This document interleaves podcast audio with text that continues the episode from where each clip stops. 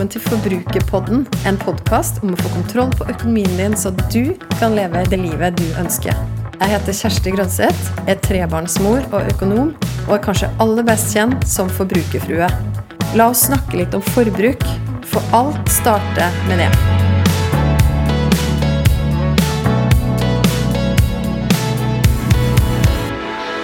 I høst fikk jeg en melding på Instagram av en dame som skrev som følger. For noen uker siden hadde du en podkastepisode om hvordan få råd til boligdrømmen. Der snakka dere fornuftig om prinsippet å ikke bo seg i hjel, med tanke på mengde lån man bør ta opp.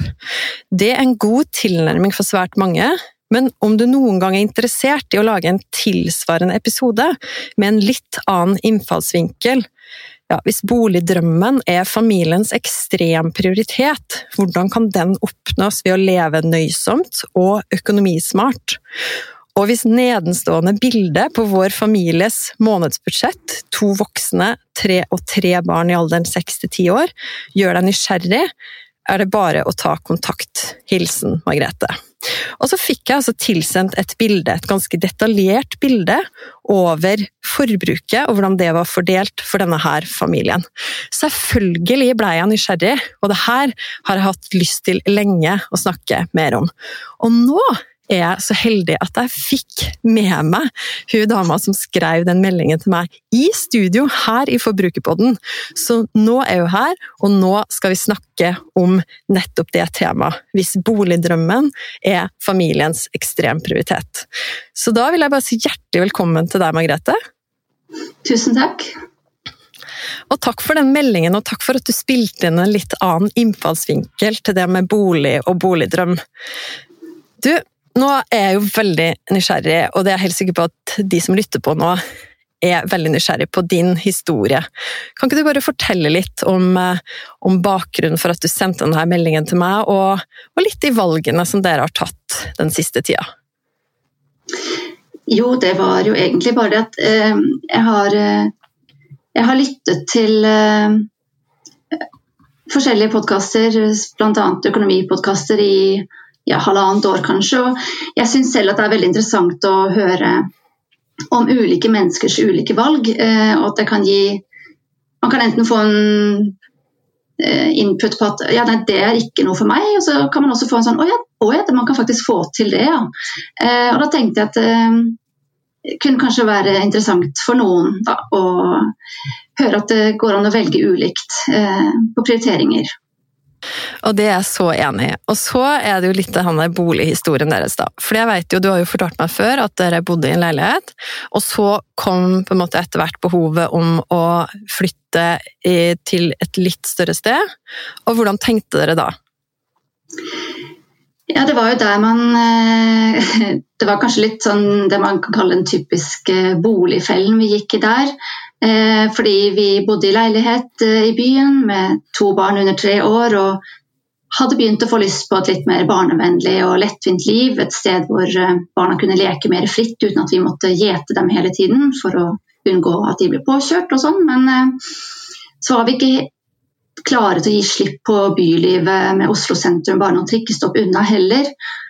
Og konsekvensen ble jo at vi da for var det, åtte år siden flyttet til et relativt dyrt boligområde, som det jo blir i Oslo hvis man skal bo sentrumsnært, med hus og hager eh, kun et steinkast fra Ring 3. Hvor vi da fremdeles hadde kort gangavstand til trikk og sykkelavstand til jobbene våre. Og dermed så hadde vi jo da Vi klarte bare så vidt å skrape sammen nok penger i dette dyre boligområdet da, til å kjøpe det minste ja, temmelig stygge og temmelig gamle huset eh, i gaten. Men vi var bare overlykkelige over å endelig kunne tilby barna hage og trafikkfrie uteområder. Og ja, vi lukket kanskje litt øynene for manglene ved huset. Det var liksom stort nok for vår lille familie der og da, og vi overbeviste oss selv om at vi kunne pusse opp og kanskje bygge på etter hvert. Og Året etter så fikk vi et barn til, og da måtte vi jo innse at huset på sikt kom til å bli for lite. Men så lenge barna var små, så var det, var det ikke så stort behov for uh, mye plass, så vi utsatte å finne en løsning på det.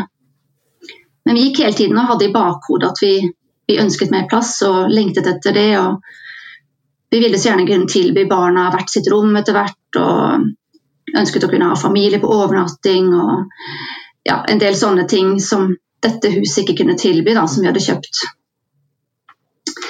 Så etter seks år så innså vi at hvis vi skulle fortsette å trives i hjemmet vårt, så måtte vi ha mer plass. Men problemet var at i vårt nabolag var det for det første lite til salgs som var noe særlig større, og det som var større, hadde vi i hvert fall ikke råd til. Men vi hadde jo en, eh, ja, en idé, eller snarere håp kanskje, om at det ville være mulig å bygge på eh, noen kvadratmeter til en total prislapp som ville bli lavere enn å kjøpe et eksisterende stort hus i nabolaget. Så vi sto jo da med to valg, egentlig, hvis vi ville ha større plass. Vi kunne enten flytte lenger ut av byen til et rimeligere boligområde, eller prøve å gjennomføre den påbyggingsstrømmen.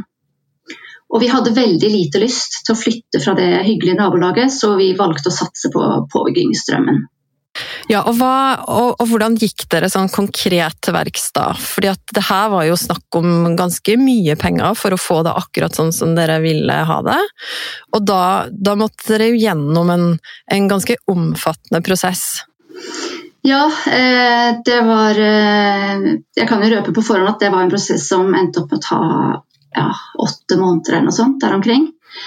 Vi, men vi visste jo allerede at vi hadde råd til å ta opp i hvert fall dobbelt så høyt lån som det vi hadde, fordi vi hadde en månedlig sparing felles eh, som var nesten på samme nivå som det vi allerede brukte på renter og avdrag. Men vi visste jo ikke om det ville være nok til å dekke utgiftene til et, eh, det lånet vi måtte trenge for å bygge på. Eh, så først måtte vi få satt en prislapp på drømmen, sånn at vi kunne vurdere om vi tålte den kostnaden. Og det var da vi måtte ta en sjanse, eller en risiko egentlig. For vi måtte bruke penger eh, for å få satt en prislapp på det. For vi måtte eh, hyre inn en statiker, og vi måtte få en arkitekt til å tegne påbygget. Og totalt så måtte, endte vi med å bruke ja, drøye 100 000 kroner i utgifter for å få tegnet eh, og vurdert eh, eiendommen eh, som et grunnlag for å hente inn anbud. Eh, så det var litt skummelt. Vi var litt redde for at tenk om anbudene blir så høye at vi ikke får gjort dette her. Da har vi kastet bort over 100 000 kroner. Det, det var litt skummelt. Men eh, vi gjorde nå det. Og anbudene, som for øvrig viste at det ville være billigere å rive alt og bygge nytt enn å bygge på, de endte jo med at vi så at boligdrømmen ville bli ca. 50% dyrere enn det vi hadde håpet. Så vi ville måtte øke vårt eksisterende boliglån med nesten 200% Men eh, vi satte oss ned og regnet på om vi likevel kunne klare det. Så da gikk vi veldig grundig til verks. Vi sjekket alt forbruk tolv måneder tilbake i tid, eh, og fikk dermed veldig god oversikt over hvor nøyaktig hvor mye vi hadde til overs til å bruke på bolig hver måned. Og I tillegg hadde vi planlagt en hybel i kjelleren som vi kunne få en hjelpeinntekt på. Så benyttet vi oss av bankenes rentekalkulatorer og la på de der, eh, hva de sier, 5 prosentpoeng man skal ta høyde for at rentene kan øke. Eh, og så regnet vi ut hvor stort lån vi kunne klare å betjene med de pengene vi hadde til overs hver måned da, etter eh, alle faste utgifter var betalt. Eh, og det ja, litt sånn tilfeldig og pussig egentlig viste seg at det vi hadde råd til å ta opp av lån, var omtrent nøyaktig så mye som vi trengte for å bygge på, ifølge anbudene. Men problemet vårt var jo at boliglånsforskriften og bankene eh, som følge av det ikke var enige. Eh, fordi vi fant ut at det var eh, noe som heter maks tillatt gjeldsgrad. Eh, og det er noe som gjør at man har ikke lov til å låne mer enn fem ganger bruttoinntekten. Eh, og da teller de med alt, også studielån osv. Eh, og vi trengte jo å låne opp til et nivå som ville bety at vi ville sitte med en gjeldsgrad på syv ganger bruttoinntekt. Men vi følte oss likevel trygge på at vi kunne betjene det. Vi hadde regnet på det, vi så at dette var penger vi satt til overs med hver måned. Så, og vi hadde til da alltid brukt penger på det vi ville, egentlig. Eh, så selv om vårt forbruk sikkert for enkelte, eller kanskje mange, kan oppleves som at vi hadde et ganske lavt forbruk, så var ikke dette noe vi hadde gått bevisst inn for noen gang. Mm, vi hadde f.eks. noen hverdagsvaner som holder utgiftene nede, som å ukeshandle og, og, lage all mat fra bunnen. Men det var vaner vi hadde ikke for å spare penger, men mer for å Det er ikke så veldig kjekt, syns vi, å dra i butikken hver dag etter jobb med tre små slitne barn fra barnehagen. Og vi liker bedre å lage mat med vanlige råvarer enn å bruke ferdigmat. Så det var mer sånn vår, sånn vi ville leve livet, og så var det litt tilfeldig at det også var besparende, da. Eh, så derfor så, så vi heller ikke at vi hadde lyst til å øke forbruket i nær fremtid. For vi levde jo Vi var helt fornøyd med livet sånn som vi hadde det, med det forbruket vi hadde. Um, så da valgte vi at, bestemte oss for at nå ville vi gjerne bruke disse pengene vi hadde til overs, kan du si, til å få en bedre bokvalitet og dermed livskvalitet det var, eh, det var, ofte en del frustrasjoner med å ha så lite hus etter hvert med tre barn. og det går utover hverdagskvaliteten. Ikke sant, men jeg syns jo det er så interessant det du, det du, sier her om at dere hadde jo vaner allerede som ga dere et lavt forbruk, men som for dere var, likevel var god livskvalitet. Men så var det akkurat det der med å, å ønske seg litt større plass som egentlig drev dere til å til å ta en ordentlig gjennomgang av forbruket, da. Altså, det er jo musikk i mine ører, som du vet. Når man går så grundig til verks og, og eh, undersøker i sin egen nettbank tolv måneder tilbake og finne ut hva er det vi faktisk bruker pengene våre på. Så la meg bare spørre deg der, da. Fikk dere noen sånne aha-opplevelser ved å gå gjennom forbruket på den måten? Ja, det må jeg jo innrømme. Det var nesten Man ble jo litt sånn irritert på seg selv, egentlig. Fordi tidligere så hadde fordi vi alltid hadde hatt penger til overs, så hadde vi ikke egentlig giddet å drive noe særlig med pengestyring. Eh, men da vi satte oss ned og laget den der oversikten over alt forbruk et helt år tilbake i tid, så oppdaget vi jo f.eks. at vi satt med enkelte triple abonnementer på noen strømmetjenester vi ikke brukte. Vi hadde en utrolig ugunstig strømavtale. Vi hadde dobbel reiseforsikring, og vi satt med et ganske dyrt TV- og internettabonnement. og eh, da vi tok tak i disse forbedringspunktene, så endte vi opp med å spare inn nesten ja, Det er helt forferdelig å si det, egentlig, men vi endte opp med å spare inn nesten 3000 kroner per måned. Det er helt vanvittig å tenke på. Og eh, hvor mange år vi hadde holdt på med det. Det er litt sånn ja, men det nytter ikke å gråte over et spilt. Eh, ja.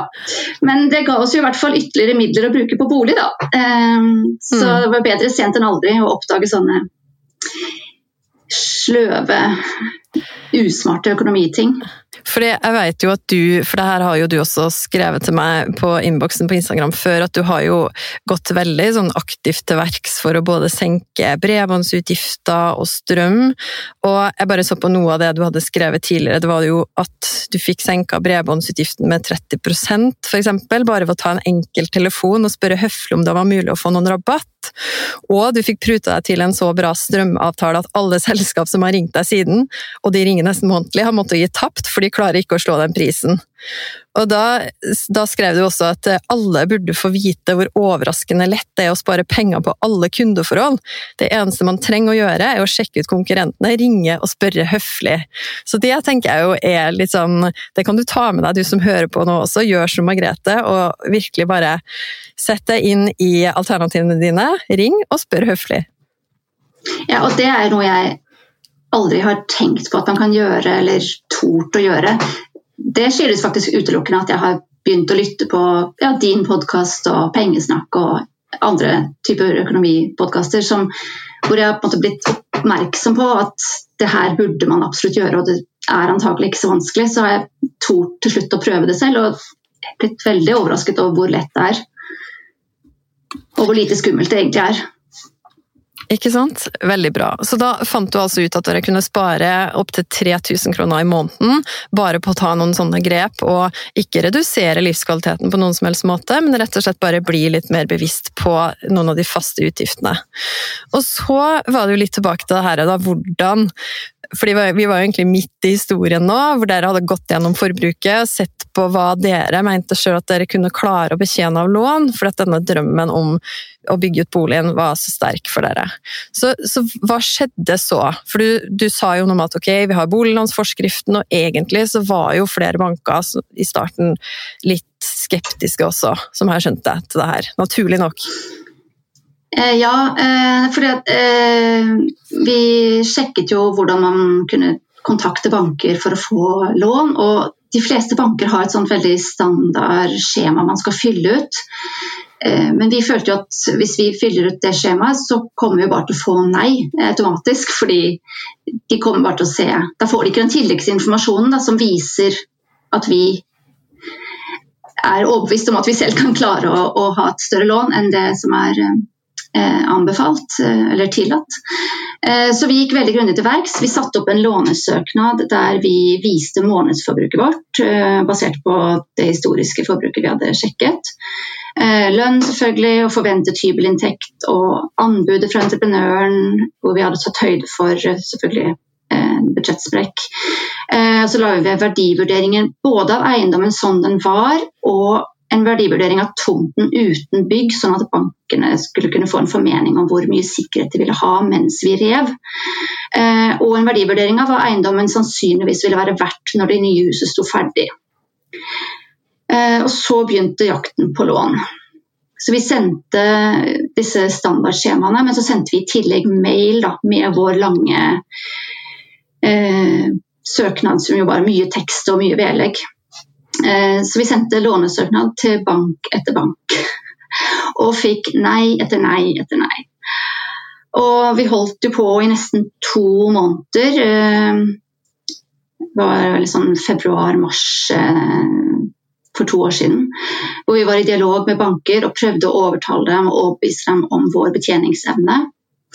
Og så hadde vi hørt at det var mulig å, at bankene har ikke lov til å låne ut mer enn fem ganger bruttoinntekten. Men så er det liksom en 10, 8 eller 10% av enten lånene eller kundemassen, jeg er ikke helt sikker på de reglene, som de har lov til å gi utover den da, grensen. Men vi visste ikke helt hva som var reglene for å få lov til å falle inn i den bolken. Men det var det som var håpet vårt, da, om vi kunne få bli en del av den gruppen, det unntaket. Eh, men Eh, noen av bankene ga oss bare blankt nei. Eh, andre ga oss først håp om at det ville gå i orden, men etter flere runder med dialog fikk eh, de måte, saksbehandlerne vi snakket med, nei fra toppsjefen likevel. Og alle bankene svarte at de allerede hadde brukt opp hele årskvoten sin med den andelen kunder hadde lov til å gi mer enn 500 ganger bruttoinntekten i lån. Så vi mistet jo mer og mer motet. Og ble samtidig liksom, irritert og frustrert over at vi ikke kunne få lov til å bruke pengene våre på det vi selv ville, bare fordi en forskrift har bestemt hvor mye folk flest tåler av gjeldsgrad. Eh, jeg, men jeg skal ikke diskutere Det er sikkert veldig mange gode grunner til det. Jo, altså, myndighetene har mer kontroll på grunnlaget for regler, men, men likevel, du skjønner sikkert at akkurat for oss så føltes det veldig sånn Ja, men vi vet jo mm. at vi, vi, har lyst til å bruke pengene våre på dette her, hvorfor kan vi ikke få lov? Eh, og vi hadde jo lyst til å prioritere bolig, og det føltes veldig urettferdig at ikke vi skulle få stå fritt til å gjøre det. Så vi holdt nesten på å gi opp håpet, men bestemte oss for å sende lånesøknaden til én siste bank. Eh, og endelig hadde vi hellet med oss. Vi støtte på en bank som både stolte på vår søknad og vårt eh, budsjettoppsett, som beviste vår betjeningsevne, og de hadde dessuten en annen struktur på hvordan de delte ut de lånene som gikk utover den maksgjeldsgraden. For de fordelte denne her kvartalsvis. Ehm, og siden vi nå befant oss i mars, så kunne de akkurat klare å rekke å få oss med på det neste kvartalets måte, parti, da, som fikk bli en del av de 8% som får lov til å låne mer enn fem ganger bruttoinntekten. Og det var altså en sånn fantastisk lettelse. Etter eh, nærmere åtte måneder med forberedelser så var vi i mål og kunne sette i gang byggingen. Og allerede høsten 2019 kunne vi flytte inn i et stort, nytt, deilig hus. Og det er jo fantastisk å høre at dere bare fortsatte å kjempe for den drømmen, tenker jeg. Og hvordan Og så, så gikk det jo litt tid da, før dere fikk flytta inn i nytt hus. Men når dere flytta inn da, så hvordan kan du beskrive den følelsen der? Det var helt magisk. Eh, barna var helt elleville.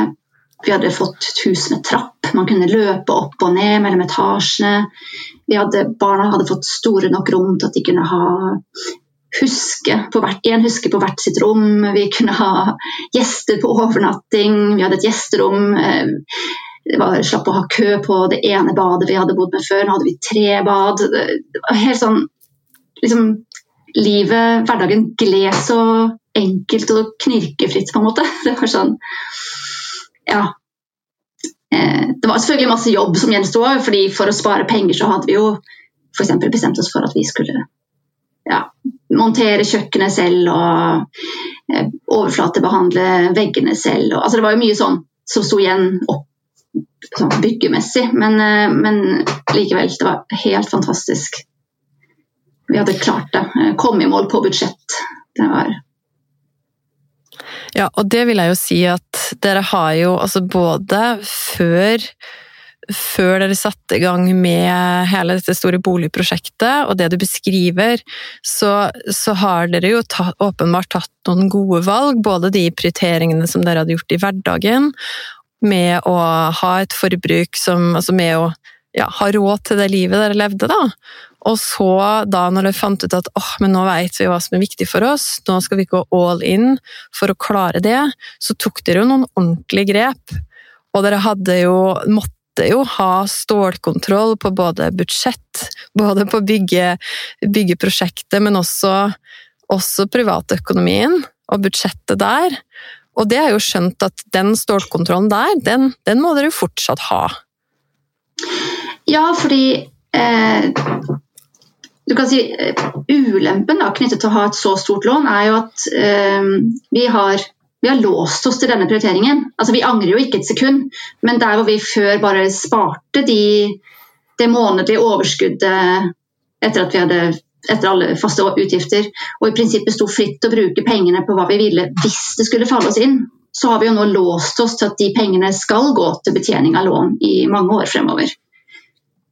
Så man må jo være liksom, sikker på hva man vil eh, i lang tid fremover, og være enig om prioriteringen i familien. Og så vet jeg jo at dere har jo gjort noen sånn konkrete grep også i pengestyringen. Dere har jo bl.a. Eh, full kontofest, stemmer ikke det? Eh, ja, fordi selv om den høye gjeldsgraden nå ikke egentlig har påvirket vårt daglige forbruk, så har det jo likevel ført til at vi ønsker en tettere kontroll med forbruket, for at vi skal være liksom helt sikre på at vi hver måned bruker pengene til det vi har fokus på nå, nemlig å betale så mye ekstra på lånet som vi klarer da, for å jobbe oss ned til en gjeldsgrad som sikrer oss f.eks. fritt valg av bank. fordi akkurat nå er det jo bare denne ene banken som vil ha oss som kunder eh, når vi har så høyt lån. Så vi er jo prisgitt at denne banken her ikke plutselig setter opp renten mer enn andre banker. da. Så, så, det vi har gjort, er blitt litt sånn inspirert av deg, egentlig. Um, så vi har lånt din metode med kontofest. så hver måned overfører vi de planlagte summene til de ulike kontoene, sånn at vi alltid har god oversikt. Uh, det, så, så, vi følger på en måte et budsjett, men det er et budsjett som vi er komfortable med, og som ikke har endret vårt forbruk. Det bare har gjort at vi hele tiden har oversikt og kontroll og trygghet. Fordi vi vet hva hver krone går til.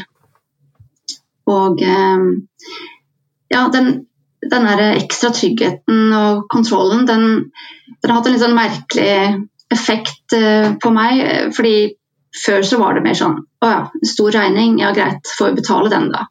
Men nå blir jeg mer sånn nesten glad når sånne store kvartalsregninger kommer på ja, eiendomsskatt og den typen ting som kommer bare noen få ganger i året. Og fordi vi allerede har satt av penger til det. Og da, Det føles på en måte godt å betale regninger vi har planlagt på forhånd å bruke penger på. Det blir litt sånn, sånn, du vet, sånn når man har skrevet en liste med ting man må gjøre, og så kan man liksom krysse av at nå er det gjort. Litt sånn føles det.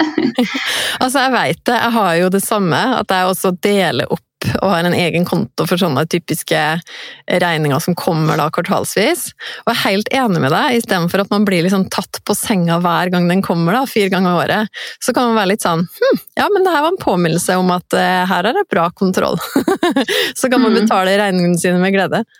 Historien vår handler jo egentlig ikke om hvordan flest mulig skal få til å makse gjeldsgraden sin. Og Jeg vil ikke sitte og anbefale det. Um, men det jeg tenkte kunne være kanskje noen får ut av den historien, er at hvis du, hvis du virkelig vil oppnå drømmen din, og prisen på drømmen er noe du føler deg trygg på at du kan tåle, så skal du ikke gi deg uten kamp hvis noen rundt deg, i vårt tilfelle bank, da, bank etter bank, da, eh, påstår at du ikke kan. For hvis du virkelig har kontroll over din egen økonomi og vet hva du vil prioritere, så er det jo du selv som best kan vurdere hva du har råd til eller ikke. Ja, og det er utrolig godt sagt, og det tenker jeg er veldig overførbart til hva som helst av andre typer mål, egentlig. Og ja, ja, det trenger ikke være bolig. Nei, ikke sant? Og jeg liker så godt også det du snakker om med at ok, vi har valgt, vi har låst oss litt til den drømmen, sier du, men så oppfatter jeg jo at det ikke låst oss i negativ forstand. altså det her er jo, Vi har låst oss til dette fordi at det her var virkelig det vi ville, og vi er enige om det i vår familie, og det her var riktig for oss.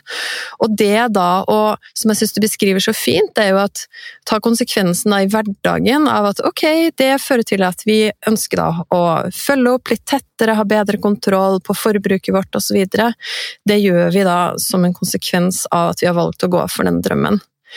Men Kan ikke du si litt mer om altså, Er det noen ganger du tenker eller kommer opp i noen situasjoner i hverdagen som, der det blir litt sånn åh, nå, nå skulle jeg ønske vi kunne prioritert annerledes, eller brukt mer penger på det ene eller det andre, men det kan vi ikke. Har du noen sånne situasjoner noen gang? Ikke så ofte. Um men det er jo Altså, vi kan jo alle bli fristet til å kjøpe fine ting man ser reklame for på Instagram eller på kundeaviser eller i boligbutikker. Ehm, så i og med at vi eh, ikke har så, så mye slingringsmonn, eller fritt eh, At vi ikke så fritt disponerer eh, pengene som som ikke går til faste utgifter lenger, eh, så gjør det jo til at eh, jeg kan ikke bare når som helst kjøpe hva jeg vil eh, av enten interiør, møbler, klær. Jeg må i større grad Det er ikke noe jeg er lei meg for, men det er liksom må, Nei, nå kjøper vi nå kjøper vi gardiner til stuen denne måneden, og så kjøper vi eh, et eller annet til hagen om to måneder. Fordi vi kan ikke kjøpe alt på en gang. Altså, det blir jo mer sånn at man må, man må spare til en og en ting fordi man har eh, ja, Som jeg sa før, så, så, hadde vi jo bare penger til overs som vi sparte. Og det var ikke en låst sparing, så vi kunne jo hvis vi ville, så kunne vi bare plutselig velge å bruke den ene månedens sparing på noe. Vi gjorde vel aldri det, men man kunne i prinsippet gjort det. Og nå kan vi ikke det. Så det er der, ja, litt mer fokus på at man må spare til ting. Men det er helt greit, syns jeg, å spare til store ting. Det viktigste er jo at huset er varmt og stort og deilig, og alle har det, Ja, det blir jo bare overflatefinisher eh, og pynteting man eh, har lyst på. De kan vente. Ja, og jeg tror jo at det var jo Man skal jo ikke sånn veldig mange år tilbake før man finner at det var, det var veldig vanlig det, å spare opp. Det er jo bare sånn Vår foreldregenerasjon sparte jo som regel opp til ting før de, før de kjøpte, mens vi har jo blitt veldig vant veldig sånn der, eh, ja, fast cash-samfunn, egentlig, som ser noe, og så klikker vi det hjem. Fordi de fleste av oss på en måte egentlig har råd, eller at vi kan ja, bruke kredittkort og tenke at ja, ja, er det så farlig? Men, men, jeg mm. tenker jo at det gjør noe veldig godt med oss også, og, og nettopp sånn som du sier, sånn, hvis man har en drøm og en sånn stor prioritet i livet. Hvorfor ikke bare gå all in og satse alt på det, og så heller ta konsekvensen av at ok, men da, da ser hverdagen sånn ut, og at, at, det også er litt sunt, egentlig. Og da både vite om den store prioriteringen, men også de der små valgene i hverdagen, og, og gjøre de der hverdagslige prioriteringene, og, og at vi har litt godt av det. Hva tror du? Ja, eh, det fører jo f.eks. hvert fall til at jeg kjøper ikke noe dobbelt. Eh, jeg undersøker veldig nøye hva det er vi vil ha. Kjøper ikke først et spisebord og så Nei, det var ikke helt sikkert det var helt perfekt, men hvis, vi kan jo bare kjøpe et nytt om to år. Eh, altså, mer sånn, jeg skal være helt sikker på at dette passer, for jeg orker ikke å ha dobbel utgift til spisebord. for vil bruke, Da vil jeg heller bruke ekstra kostnad for et bord på noe annet. Eh, ja, så det blir litt mer sånn bevisste valg, da. Og så har man tid til å eh, tid til å tenke seg litt mer om, for man kan jo Jeg tror du sa det en gang i en podkast, at hvis man, hvis man har lyst på noe, så skal man vente var det en dag eller tre dager eller sånt, før man kjøper det. For da har man liksom rukket å tenke seg om, og kanskje, kanskje det ikke var så viktig likevel. Ja, vet du hva, der har jeg faktisk fått tips fra flere lyttere og følgere på Instagram og det hele. Altså, noen har den der 24-timersregelen med at man eh, ser noe man får lyst på, så skal man alltid vente 24 timer.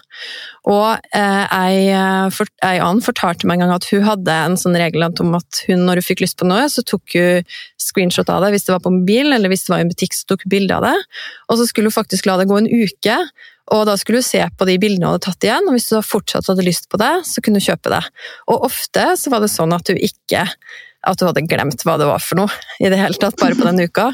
Og så har jeg også snakka med Hallgeir og Lene fra Luksusfellen, og de sier jo at ofte så har de bedt deltakere der, når de har vært ute på sånn litt eksperiment med tanke på impulsshopping og hjelpe de å, å få bukt med det, da, så har de bedt de om å bare gå en runde rundt kvartalet. Og bare den lille turen der, så kommer man tilbake og tenker at hm, nei, men det var kanskje egentlig ikke det jeg ville ha. Så alt av sånn der jeg stopper opp, puste, spørre seg sjøl, tenke seg om to ganger, sove på det, det, det tror jeg det, det vet jeg er et utrolig godt råd. Ja, nei, vi, vi, vi lever veldig fint med det, men eh, det er jo ikke sikkert det passer for alle. Noen er for noen er det veldig viktig at alt blir måte, helt perfekt så fort som mulig. Eh, og det kan man jo velge, eh, men da er det jo kanskje noe annet. Ingen kan få i pose og sekk hele veien. Altså, de, de, fleste av oss er jo ikke millionærer, eh, og da sitter vi ikke eh, Da kan vi ikke både kjøpe det store huset og ha en interiørarkitekt og innredere og dra på utenlandsferie i tre uker hver Eh, påske med altså, Der, Man må bare leve. Man må leve eh, etter evne. Og mm. da må man velge. Velge det man vil, eh, og så velge bort det andre. Det som betyr mindre. Og det, er jo det jeg syns er interessant, da, litt det du var inne på i sted også, at det, det, er jo vi som tar våre valg, og bare være litt bevisst på hva er våre prioriteringer. Og det du sier der med å, å ikke få i pose og sekk, det, det, er en sånn god gammeldags leveregel, tror jeg, som bare vi trenger å ta litt inn over oss. Og jeg har jo intervjua folk i podkasten som har tatt helt andre valg enn dere også, ikke sant? som har nedskalert boligen sin, gått fra enebolig til leilighet. De har flytta deler av året ut i båt for å kunne reise reise mer. Altså noen til med, skal til og med flytte i, inn i en bil i et år for å reise rundt. Og, og andre har også på en måte tatt liksom store valg som også går på det å, å selge seg ned da, i bolig for å få rom til andre ting. Og det er jo det er akkurat det du er inne på. ikke sant? Det handler jo om sånn, hva er, hva, hva er våre valg, hva er våre prioriteringer? Og så la, la eller holde det høyt, da og ikke sammenligne oss mellom hverandre, men finne ut hva som er viktig for oss. Og så heller la, la den store prioriteringen også få konsekvenser for, for oss i hverdagen. Absolutt. Ehm, jeg syns ikke vi skal drive og kritisere eh, andres prioriteringer. Det, det er helt opp til hver enkelt. Ehm, man må bare Men det er fint å bli liksom bevisst på at man ikke bør gå rundt og misunne andre hvis man ser at noen har og de drar på store utenlandsferier hvert år, ja, da, da, vet man jo at det er noe annet de ikke gjør. Eh, og hvis å, det er noen som har et stort hus, ja, men da er det noe annet de ikke gjør. Fordi de fleste av oss har ikke millionlønner. Og da, Da er det bare det man må huske på. at Man må bli, man må ikke bare se på det andre har som man selv gjerne skulle hatt. Man må huske at da er det nok noe de ikke har som man selv har. Ja, utrolig sant. Og jeg tror jo at vi, vi bare sånn innad i en vennegjeng, så er det jo veldig fort at vi bare skuler litt og kikker litt på hverandre istedenfor å snakke åpent om prioriteringer. Så det har jeg blitt veldig bevisst på i det siste, hvor, hvor utrolig lite faktisk snakker med vennegjengen om, om prioritering med, med, penger, og hva vi, hva vi er opptatt av. Og hvor fint det er å kunne åpne opp og begynne å ha noen av de samtalene med, med sine nærmeste, egentlig. Og så kan man bli inspirert. Hvis man har et mål om å redusere en eller annen utgift, så er det liksom litt vanskelig å vite ja, hva, går det, an, det overhodet an å bruke mindre enn dette, som jeg gjør på den og den tingen. Men hvis man snakker litt med andre, så kan man jo lære litt at å ja, de bruker mye mer, eller de bruker mye mindre. Da kan man i større grad få input på at, at uh, man kan velge selv hva man vil bruke penger på. At man kan, man kan endre seg i den ene eller andre retningen. Men hvis man går i sin egen Ikke snakker med andre, da, så tror man kanskje at ja, det er umulig å spare noen ting her. Eller ja, Mm. Ja, det er veldig sant. Og du, Vi skal gå inn for landing av denne episoden, men jeg har lyst til å spørre deg også litt det vi er inne på nå. da. Hvis du skal gi, gi dine beste råd til andre som, som, har hørt på denne episoden her nå, som har blitt inspirert, de, de kjenner det at åh, vi har jo egentlig en drøm som vi har lyst til å gå for. Hva, hva er dine beste tips da? Hva kan man gjøre? Ja, Da må jeg jo bare anbefale det, det som jo vi gjorde, var å gå tilbake og se på alt vi bruker penger på, for å få et bevisst forhold til det og, få helt sånn oversikt. Eh, både fordi man da kan få et godt bilde av eh, hva man har å rutte med, men også fordi man virkelig kan oppdage Jeg tipper alle kommer til å oppdage en eller annen ting som man betaler for som man ikke egentlig bruker eller har noe glede av, eller som man ikke har et forbedringspunkt på. Eh, eh så det å, sjekke forbruket eh, ja, vet ikke, et halvt år eller ett år tilbake i tid, det, det var veldig verdifullt og lærerikt for oss. Og la jo hele grunnlaget for å få kontroll og, og vite ha, ha, en trygghet for, for å bestemme oss for hva vi ville bruke de pengene på. Hver krone. Det er fantastisk. Og jeg vil takke deg, Margrethe. Tusen takk for at du ville komme og være gjest i Forbrukerpodden og dele din historie. Og jeg er sikker på at eh, de som hører på nå, sitter med og igjen og er inspirert, har kanskje noen spørsmål, har noen tanker, og da kan du gjerne sende det til meg. Send det på innboksen på Instagram eller Hei, forbrukerfrue. Og så vil jeg jo da bare si, Margrethe, at dere må virkelig bare kose dere og nyte, nyte det fantastiske drømmehuset som dere har fått bygd. Tusen takk. Det gjør vi hver dag. Jeg vil gjerne vite hva du tenker etter å ha hørt episoden. Så koble med meg på Instagram. Der finner du meg som forbrukerfrue. Send meg en melding. Tagg meg gjerne i Story og del episoden her hvis du likte den. Eller send meg spørsmål. Og husk å abonnere på podkasten Forbrukerpodden, så får du beskjed hver gang det kommer en ny episode. Vi høres!